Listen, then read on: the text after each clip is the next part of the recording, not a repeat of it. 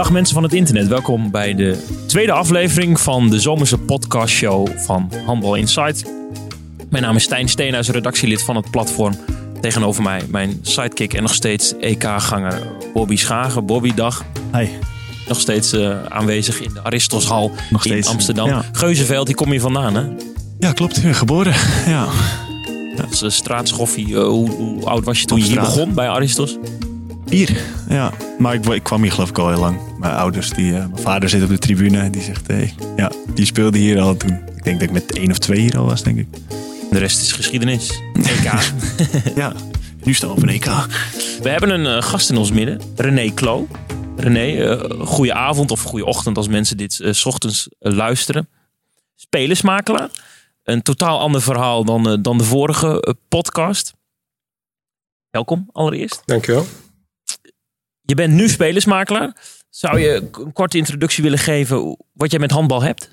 Nou, ik ben eigenlijk eh, net als Bobby op het veld geboren. Alleen niet hier, maar in Utrecht. En eh, eh, zelf altijd gespeeld. En aan het eind van mijn carrière, de laatste drie jaar bij ENO in Emmen gespeeld. En toen ben ik trainer geworden in Dalfsen. Omdat ik daar simpelweg naartoe ging verhuizen. Ik had eigenlijk helemaal geen ambitie om trainer te worden. Maar dan kom je nieuw in een dorp en denk, nou, dat is een mooie manier om te socializen. En eh, nou, dat is daar eigenlijk een beetje uit de hand gelopen. Heb ik, eh, Behoorlijk. ja, en eh, daar ben ik drie jaar geleden gestopt.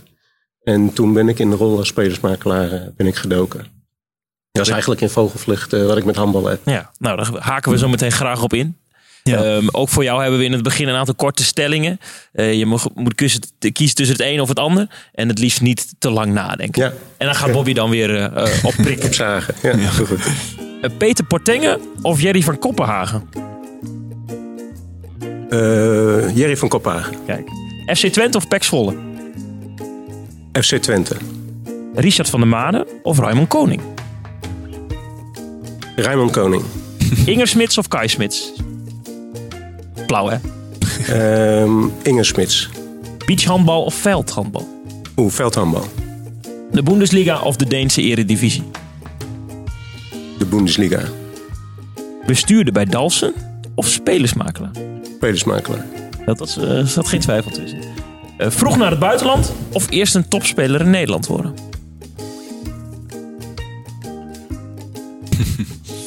Wordt lang nagedacht. Eerst een topspeler in Nederland worden. Goed, nou, over die laatste gaan we later nog hebben. Ja. Bobby, jij mag eh, prikken. Wat wil je weten? Eh, bestuurder bij Dalfsen of spelersmakelaar. Die kwam er heel, eh, zeg maar, zonder twijfel uit. Dat had ik niet verwacht. Ik dacht misschien, met Dalfsen natuurlijk lang daar gezeten, opgebouwd. Dus daar, dat vind ik wel, eh, wa- waarom is dat? Nou, ik heb, ik heb bij Dalfsen natuurlijk alles van A tot Z opgebouwd. En dan kom je op het eind Ja. ook in een rol als bestuurder terecht. Ja, en dat is eigenlijk helemaal niet leuk. Je wil eigenlijk in het veld met spelers bezig zijn en daar iets Ja. mee bouwen. En dat is eigenlijk wat ik nu als spelersmakelaar doe. Dat ik met spelers ga kijken hoe ziet hun reis eruit, hoe ziet hun toekomst eruit. Ja. En hoe gaan we die weg bewandelen. En dat vind ik eigenlijk veel leuker. En in een bestuur heb je ook met dingen te maken waar je niet onderuit komt. Maar ja, dat Ja. hoort niet echt bij mij. Nee, maar dat, dat, is, is het niet ook mooi om zo'n Dalfsen dat eigenlijk, je zei, ik kwam in een dorp en toen was er niks. En aan het eind was er een topclub met hoeveel titels? Eh, een, een hele hoop. Ja, zeven aan Ja, het einde. dat, dat heeft ook wel wat, denk ik. Ja, maar dit was ook natuurlijk fantastisch. En Ja. zeker omdat je vanuit niets helemaal heeft, hebt opgebouwd. En eh, eh, alles hebt mee, bent tegengekomen, tegenslagen en successen. Ja. En eh, vooral alles in hele korte tijd. En dat is fantastisch. En mede daardoor denk ik dat ik ook nu in de rol zit als spelersmakelaar. Hè, door die ervaring die ik daar heb verzameld in Ja. hele korte tijd. Ja. Dus het is, een keuze is moeilijk. Alleen wat ik nu doe, haal ik zoveel plezier uit.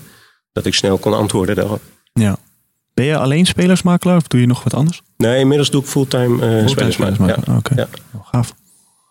Ben, ben je de enige in Nederland, of niet? Ik ken niet, meer, eh, niet Officieel veel wel, meer. Ja. ja, ik wel. weet dat Gerard Huuzes vroeger Gerard deed. maar die opereert natuurlijk vanaf, Ja. vanuit het buitenland.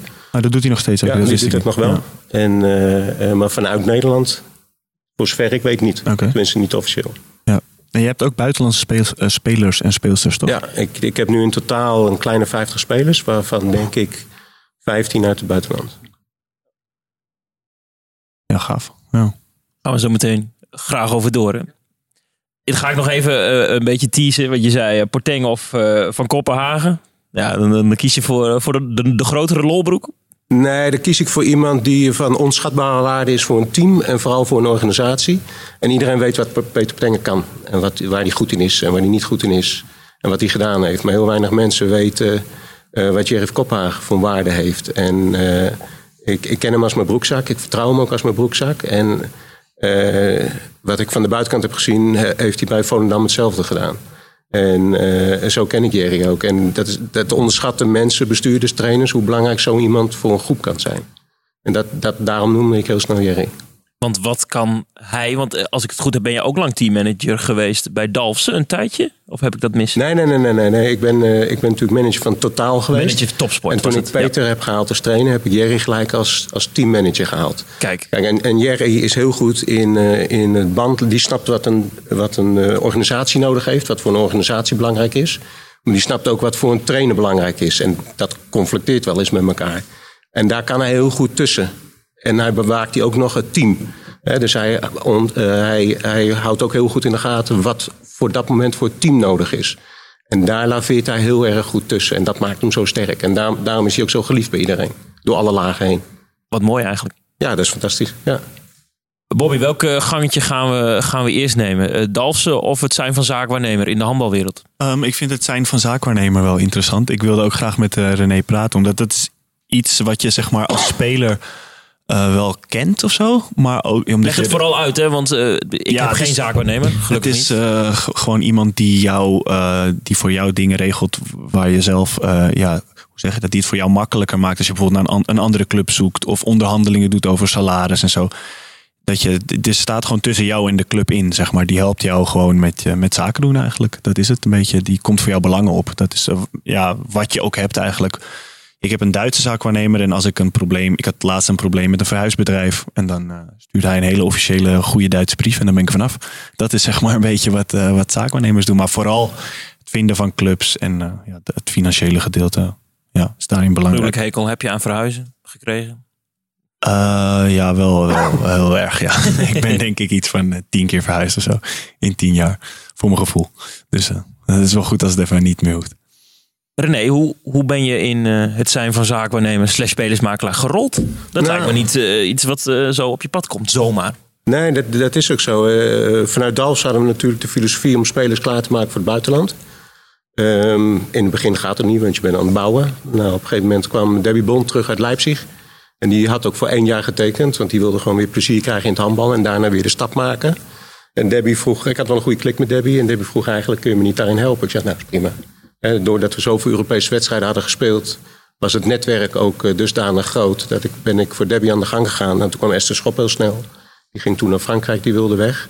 En zo is dat balletje eigenlijk gaan rollen. Toen kwam dat bij de internationals terecht. En toen kwamen er steeds meer spelers waar ik of Ben Delfs al mee had gewerkt.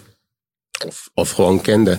Die kwamen bij mij met, met een hulpvraag eigenlijk. Mm -hmm. Van wil je dat voor mij ook niet doen?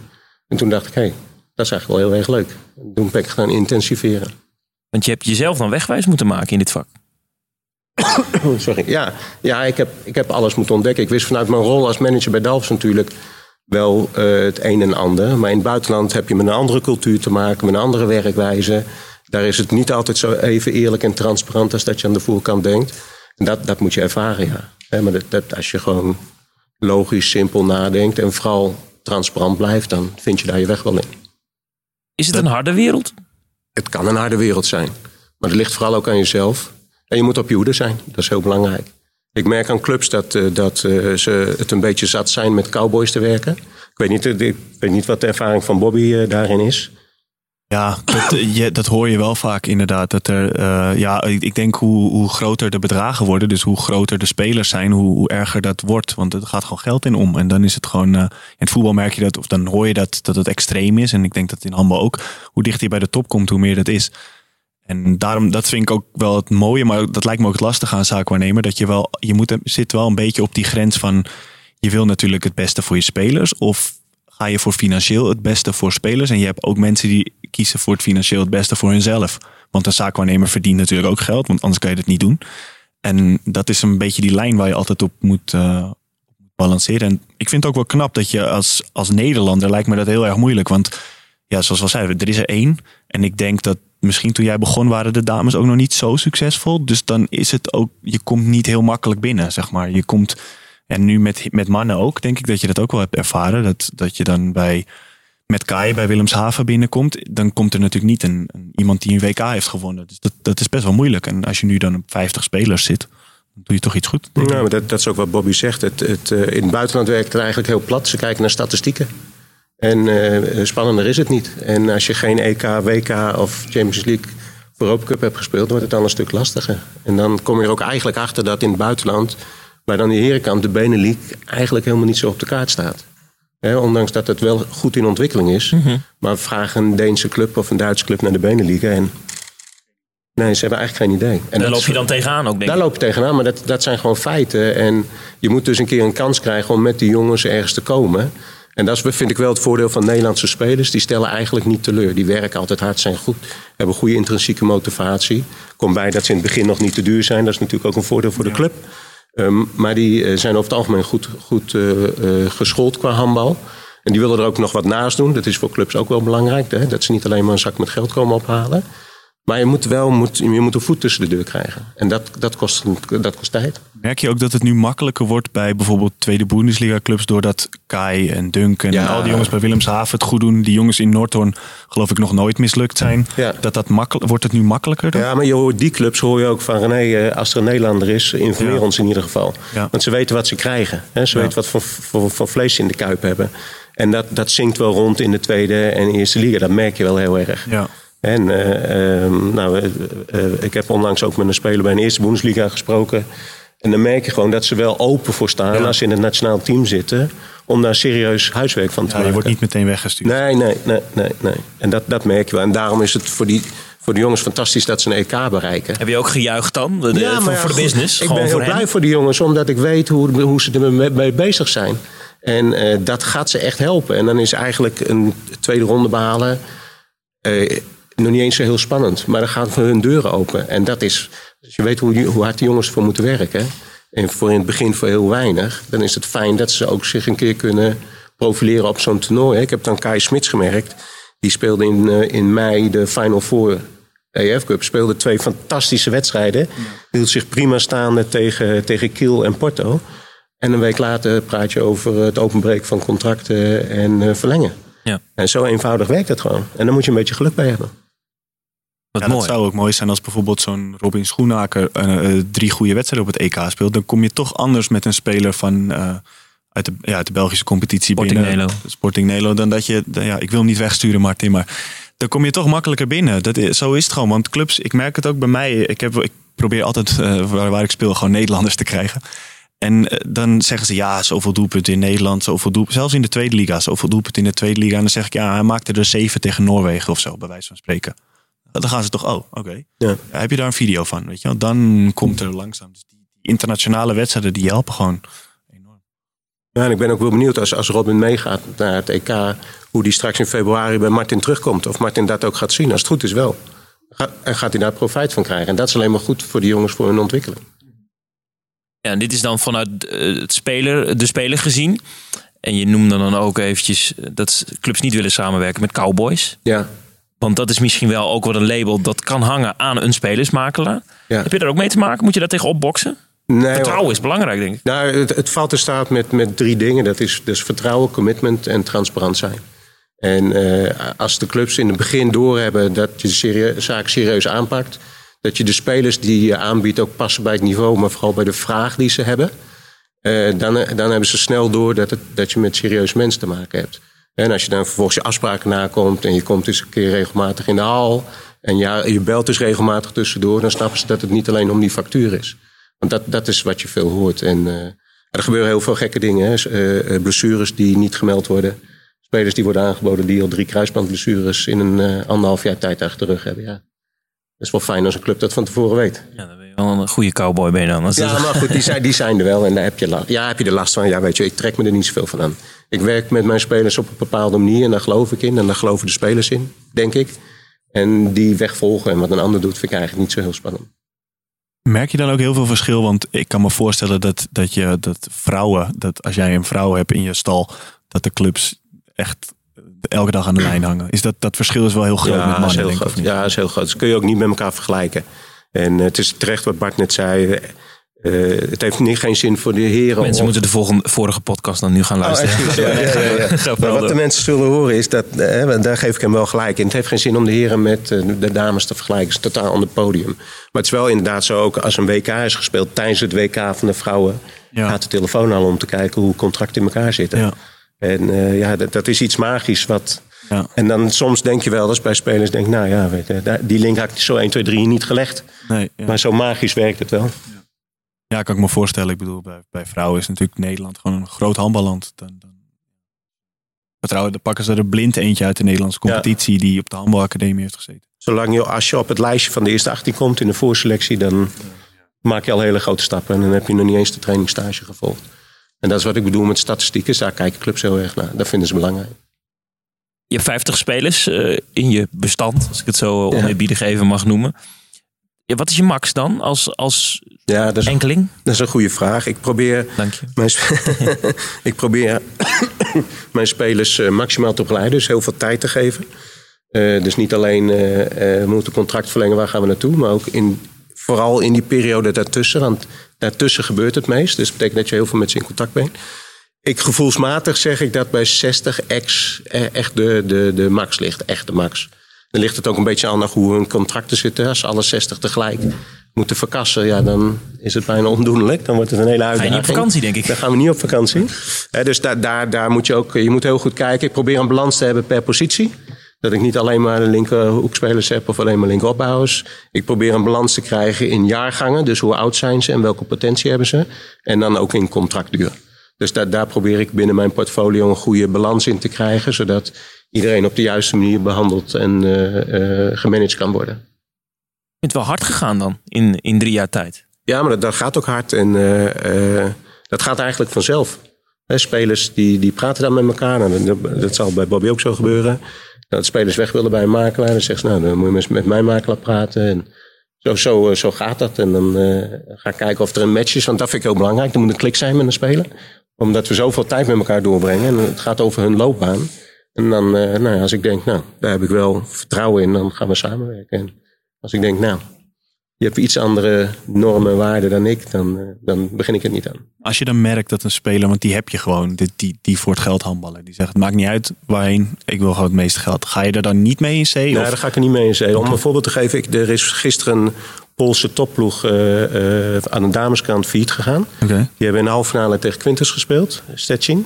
Okay. Daar heb ik vier appjes van gekregen. En de eerste vraag is, kun je me helpen? En ik wil 3000 euro verdienen. Nou, Dan... A, weet ik al dat het bedrag niet klopt. En B, denk ik, ja, het is juli. Ja. Volgens mij moeten we nu eens kijken, waar gaat je handbal waar kan je überhaupt nog spelen? Ja, waar ja. kun je überhaupt nog spelen? Dus daar begin ik niet aan. Ik wil graag werken met spelers die echt een plan ook hebben. Ja. Hè? En, en ook een duidelijke visie. Praat je daar dan ook over? Maak je bijvoorbeeld, ga je zitten met Kai Smits en zeg je van uh, ja. waar speel je over vier jaar? Ja, heel veel. Ik maak met een, een customer journey.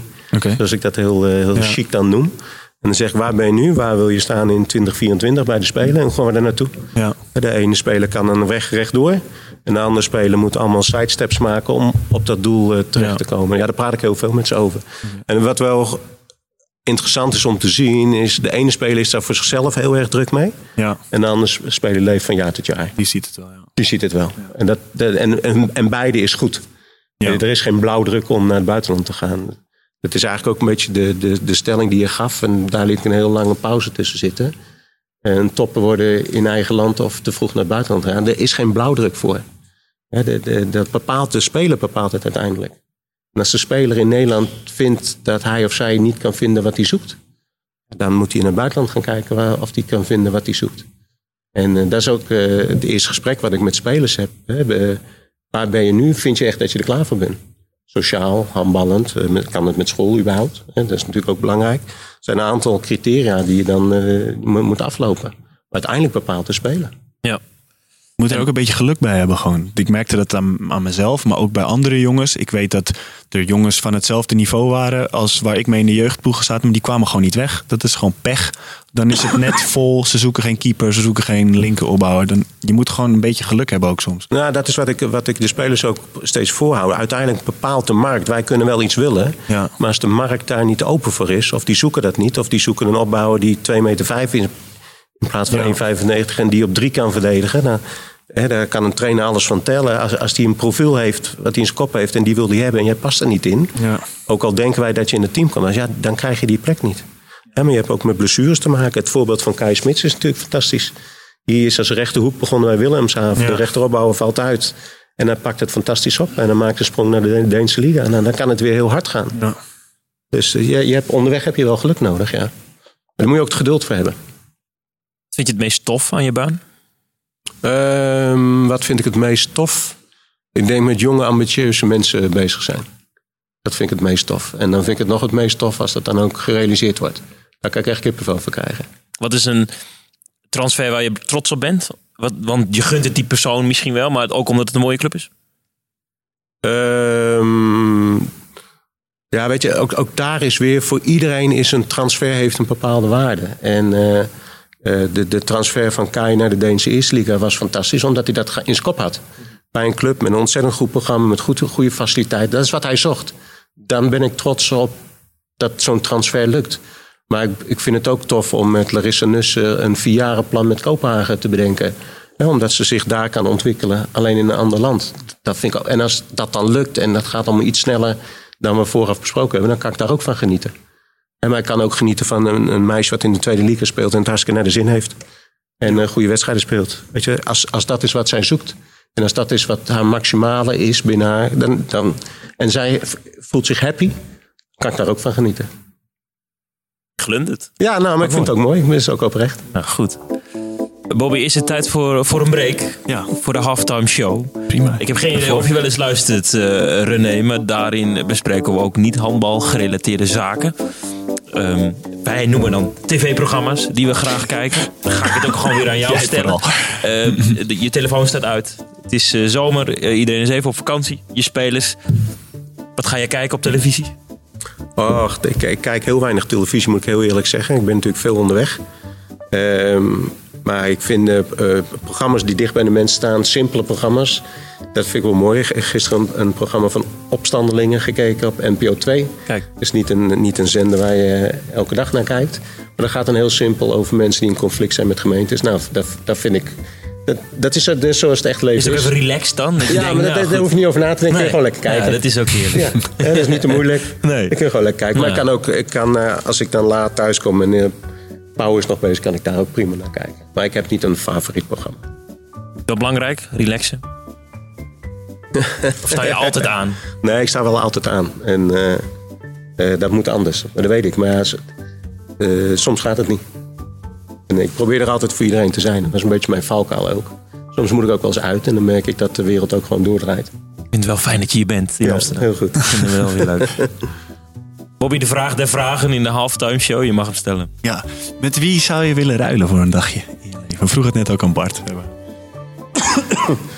Oh, dat, is, dat vind ik heel lastig. Ik zou denk ik heel graag willen ruilen met een, eh, met een, eh, eh, een, een sportdirecteur, marketingdirecteur van een grote sportorganisatie.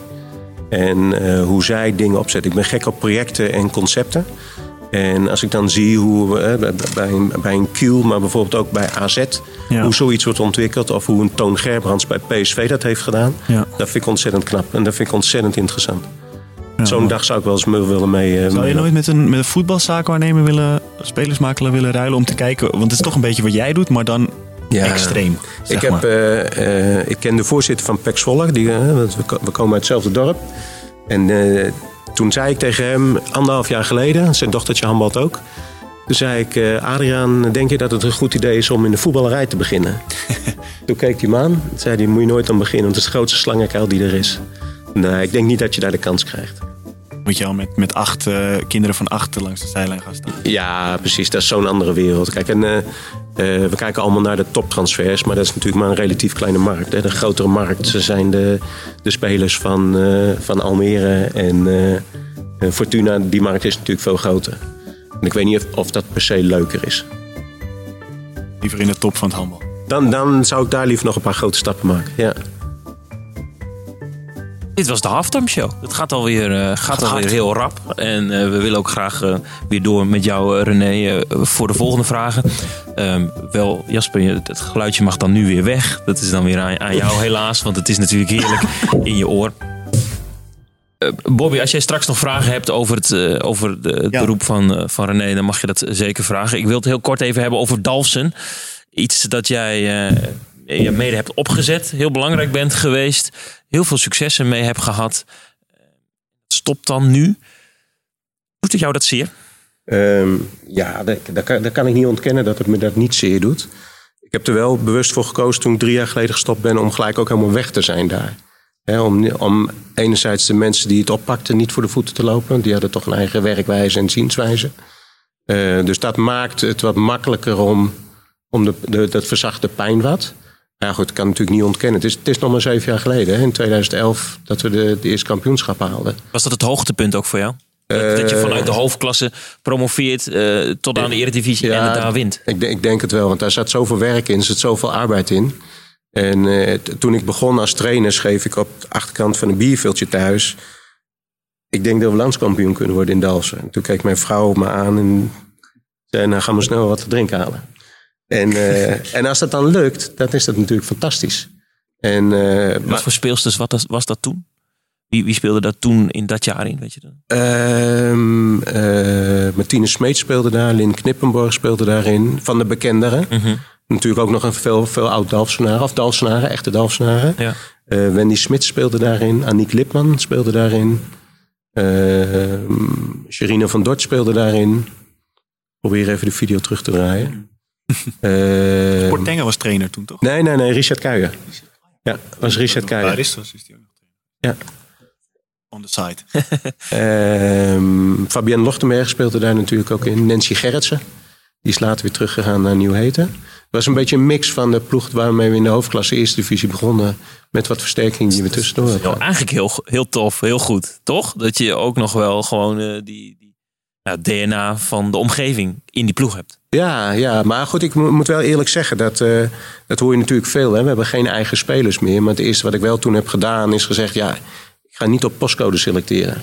Ik selecteer gewoon de mensen die graag veel willen trainen. En die passen bij het concept en die gas willen geven. En waar die vandaan komt, vind ik eigenlijk niet zo heel interessant.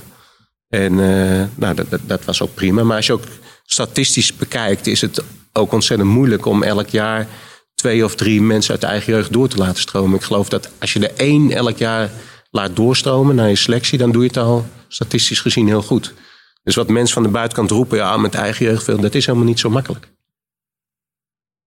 Waar is het dan toch misgegaan? Het is lastig om te zeggen omdat je al, al drie jaar uh, weg bent en dan het uiteindelijk uh, fout gaat. Maar je hebt er vast wel over nagedacht. Ja, kijk, ik, wat, de, wat de stichting heeft gedaan, dat snap ik wel. Kijk, er waren, Dalfs heeft altijd gedraaid op vier pijlers. Dat is een uh, professionele trainer, professioneel topsportprogramma, een ambitieuze, maar ook zeer talentvolle groep, spelersgroep en Europa Cup. En op het moment dat een van die vier pijlers weg zou vallen, dan zou het concept stoppen en dan zouden we ook de stekker eruit trekken. Dat hebben we vanaf het allereerste begin gezegd. Hè. Het was all the way of niks. Er iets tussen bestond niet. Grijs bestaat niet. En uh, uh, financieel was het geen probleem. Uh, wat in deze tijd natuurlijk al, uh, al opzienbarend is. Maar ze moesten zeven of acht spelers moesten ze vervangen. Nou, dat is momenteel gewoon niet eenvoudig. En de ploeg had natuurlijk al een, wat kwaliteit verloren de afgelopen jaar, wat logisch is. Dat is ook helemaal niet zo erg, want je hoeft ook niet elk jaar kampioen te worden. Alleen zeven of acht spelers vervangen, uh, dat is wel gewoon heel lastig op dat niveau. En daarvan hebben we gezegd, ja, dat is niet... Wij investeren tussen de 180 of 150 en 200.000 euro in dit programma. En dat vinden wij het niet waard uh, ten opzichte naar de sponsoren.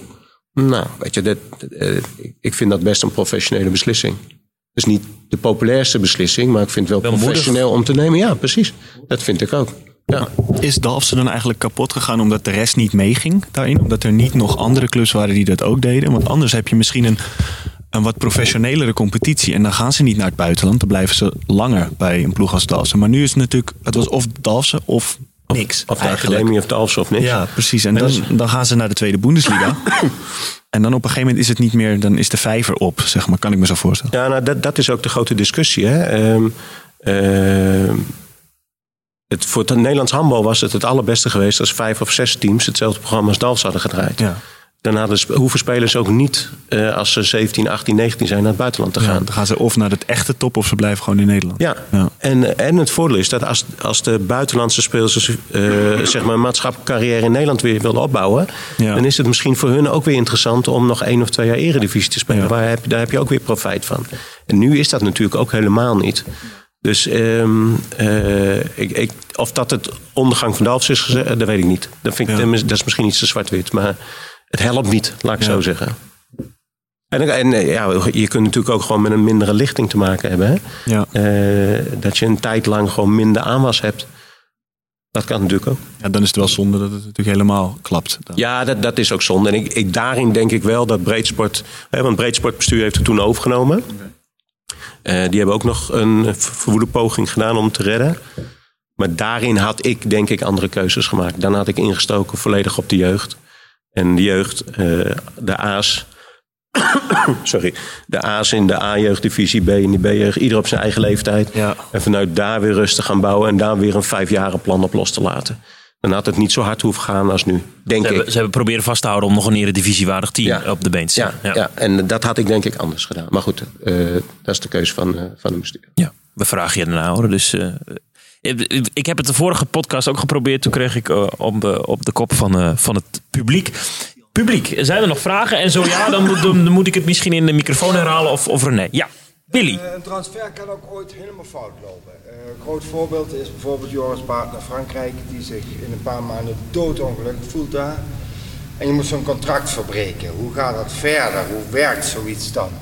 Ja, nou, dat, dat Dus, zal ik de vraag herhalen, Jasper? Ik denk dat het handig is. De, de case Joris Baart gaat naar Frankrijk eh, en, en slaagt daar niet. Wat was het vervolg van je vraag? Sorry Willy, dan moet ik de essentie wel hebben. Hij voelt zich, ja, hij voelt zich doodongeluk. Maar is dan de vraag, wat kan de spelersmakelaar daaraan doen? Ja, je moet een contract verbreken. En, en, en hoe gaat het dan verder? Eh, is er over gepraat of wordt dat verbroken? En, en hoe gaat dat dan in zijn werk? Ja. Ja, nou, Is, is er nazorg? Ja, dat is, heel, dat is voor- en nazorg. Er komt nog iets voor, denk ik. Kijk, ik ken de casus natuurlijk niet van dichtbij. Dus eh, eh, ik kan alleen vanuit het algemeen daar iets over zeggen. Ehm, ik, ik, ik denk dat in het voortraject... Ik weet niet of het zijn eerste club was in het buitenland. Dat dacht ik Ja, wel, hè? ja. Dus ik weet niet of in het voortraject dan goed is gesproken... wat, wat zo'n speler dan echt wil. Want eh, het is geen makkelijke stap. En dat heeft niks met een niveau te maken. Maar een stap naar het buitenland, dat, is- dat is gewoon niet makkelijk. Want jij zult je moeten aanpassen op waar je komt. Andersom gaan ze gewoon door. Dat is gewoon een professioneel milieu. En je komt daar om te presteren, niet meer en niet minder. Nou, dan heb je te maken met trainers, die moet je dan eh, zien zitten. Die moet je, moet je inzetten, dan moet je aan speeltijd toekomen. Eh trainers in het buitenland staan sneller onder druk dan, eh, dan wij gewend zijn. Dus die vliegen er ook sneller uit. Die spelen van wedstrijd tot wedstrijd. Twee punten, twee punten. Nou, en in, dat, in eh, die fase moet je als spelersmakelaar veel met je speler contact hebben. Hoe gaat het? Wat moet er gebeuren? Moeten we in gesprek met de speler of met de trainer? Moeten we in gesprek met de club? Hoe voel je je? Wat kun je zelf veranderen? Want ik vind daar moet je altijd zelf naar kijken. Wat moeten wij gaan veranderen aan de situatie om jou weer happy te voelen? Nou, op een gegeven moment zal er dan een punt geweest zijn, kan ik me voorstellen, dat hij het niet meer zag zitten. En dan moet je als, als, als makelaar met de club in gesprek om te kijken of je het contract kunt ontbinden. En eh, ehm, ik weet niet hoe dat toen gegaan is. Ehm, ik weet niet, is hij toen helemaal gestopt of is hij naar Lions Hij is teruggegaan? terug naar Lions Ja. gegaan. Ja, nou, dan, dan zul je over transfervergoedingen gaan, gaan, eh, gaan praten. Ik heb eenzelfde situatie met een speelster dit jaar met mij meegemaakt. Die wilde uit de eerste Bundesliga helemaal stoppen. Die was doodongelukkig. Nou, dat zijn vervelende gesprekken met clubs, want je bent gewoon werknemer. Je staat op het payroll en ze kunnen in december daar niet zo makkelijk meer iemand voor terughalen. Dus dan zul je heel goed met de club in gesprek moeten om dat op een goede, nette manier af te handelen. Zodat en de club daar het minst pijn van heeft, maar de speler vooral weer door kan gaan. En dat is zo belangrijk. En, eh, maar, maar je moet die jongens en meiden moet je daarin helpen. En eh, daar moet je niet te makkelijk over denken, want de, de, zij zijn er onervaren in. Dus je moet ze echt helpen. En dan hangt het heel erg van de club af hoe zij daarmee omgaan. En je hebt clubs die heel sociaal zijn, die familiair zijn, die ook het persoonlijke nog belangrijk vinden. Maar je hebt ook clubs die zeggen, ja weet je, het interesseert me niet. Eh, ik heb hem gehaald, hij krijgt een salaris en hij moet gewoon eh, presteren.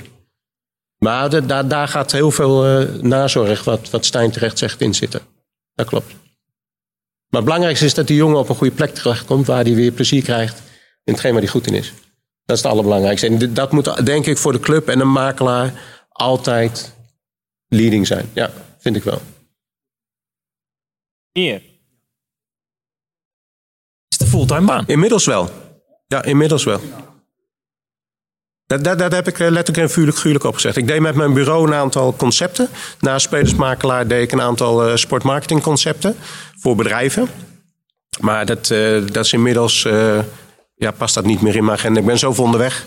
Ik ben zoveel aan het reizen en spelers die kunnen om van alles en nog wat je hulp vragen. En vreemd genoeg beginnen die altijd pas te leven na acht uur 's avonds, lijkt het wel. Dus, De jeugd van tegenwoordig. dat is de jeugd van tegenwoordig. Dus het is van 8 tot 11 is het eh, fulltime aan de bak. Ja. Ja. ja. Oh, dat heb ik zelf bedacht. Grand Slammers, de naam, waar komt het vandaan? Nou, dat. ik, eh, ehm, daar heb ik eigenlijk niet zo heel lang over nagedacht. Of de, de allerbeste naam is, weet ik dan eigenlijk ook niet. Ik heb iets bedacht. Grand Slam is volgens mij, je wint vier toernooien. Dus je bent overal goed in. En dan moet je het maximale voor doen. En zo is het een beetje ontstaan. En, dat, toen heb- Bekt ook wel lekker, toch? en het bekt ook wel lekker. En toen heb ik Grand Slammers ervan gemaakt. En ik heb eigenlijk geen idee of het impact heeft. Maar ik vind het wel lekker klinken. Ik probeer altijd net even iets anders te doen dan de rest. Bobby, heb jij nog eh, een vraag? Nee, nee, maar is alles duidelijk. Ja. Ben je klaar om te wisselen, Bobby? Van zaakwaarnemer. Ja, moet, daar gaan we hierbij straks even over praten. ja, dat doen we als we, als we zo, meteen, eh, zo meteen klaar zijn. Als je te veel... Of is je vader dat? Martin weet hem. Oké. Als je meer dan 60 spelers, eh, als je nog iemand nodig hebt erbij. Dan... Nou, maar, Ik heb nog geen baan na mijn carrière. maar goed, dat, zijn, dat, is Ik wel, speel tweede divisie sinds kort. dat is wel... In, Thanks. Thanks, Erik. Kijk, dat zijn wel interessante dingen die Bobby zegt. Eh, ehm, eh, hoe kunnen die jongens en die meiden die in de top hebben gespeeld... nou hun ervaring straks gaan overbrengen op die jonge gasten? Jullie zijn ook van alles tegengekomen. Dingen die je waarschijnlijk nu anders had gedaan. Eh, of Ja. misschien wel precies hetzelfde, omdat het je goed bevallen is, omdat het bij jou past. Nou ja, dat zijn dingen. de- Ik praat bijvoorbeeld met Debbie Bond daarover. Ja, Hè, wat gaat zij doen als zij gestopt? Zou ze zoiets leuk vinden? ja. Eh, ik ben met Yvette Broch ben ik nu eh, aan het kijken of we daar iets kunnen doen. Hoe gaan we die jonge meiden helpen? Eh, wat zijn valkuilen? Nou ja, eh, figuren zoals jij zouden dat prima aan kunnen, denk ik. Ja, ik denk dat het ook heel belangrijk is. Ik heb het in mijn begin met Michiel Lochtenberg gehad. Ja. Die heeft me eigenlijk geholpen om naar Doormagen te komen. En als er wat was, kon ik hem vragen. Hoe werkt dit? Hoe werkt dat? Hij heeft me eigenlijk een beetje daar geïntroduceerd. Ik denk, vooral toen hadden we dat echt nodig. En ik denk dat het, eh, ja, dat het nu dan langzaam een beetje voor ons komt. Ja, maar ik ben daar ook groot voorstander van. Het zou zonde zijn om eh, die ervaringen zomaar weg te laten sijpelen. Ja, nee, zeker ben ik het mee eens. Maak ik graag gebruik van het eh, publiek om even een applausje. Dan weten de mensen dat het publiek er ook nog is. Heel fijn. Hal. Ik dank jou, eh, René, om eh, hier toch naar eh, Amsterdam toe te komen. Eh, zeer interessant, toch Bobby? Ja, zeker. Ja. Nee, ja. En eh, de, ja, mensen vanaf je, je strandbedje, dit was nummer twee. Eh, er komt nog een derde en een vierde deel. Eh, bedankt, bedankt voor het luisteren naar deze podcast eh, show. In september zijn we er denk ik ook wel weer met de reguliere uitzendingen van Spielmacher dan Bobby vanuit Lemgo en niet meer vanuit eh Stuttgart. Eh, Bobby, tjus. Tjus, kunnen we het vaker live doen? Dat woont niet zo ver van Ah, jou. goed. Ja, nu weet ik ook hoe je eruit ziet. dat is toch wel fijn, ja. Goed. Eh, nou, tjus nogmaals. Tjus. dan.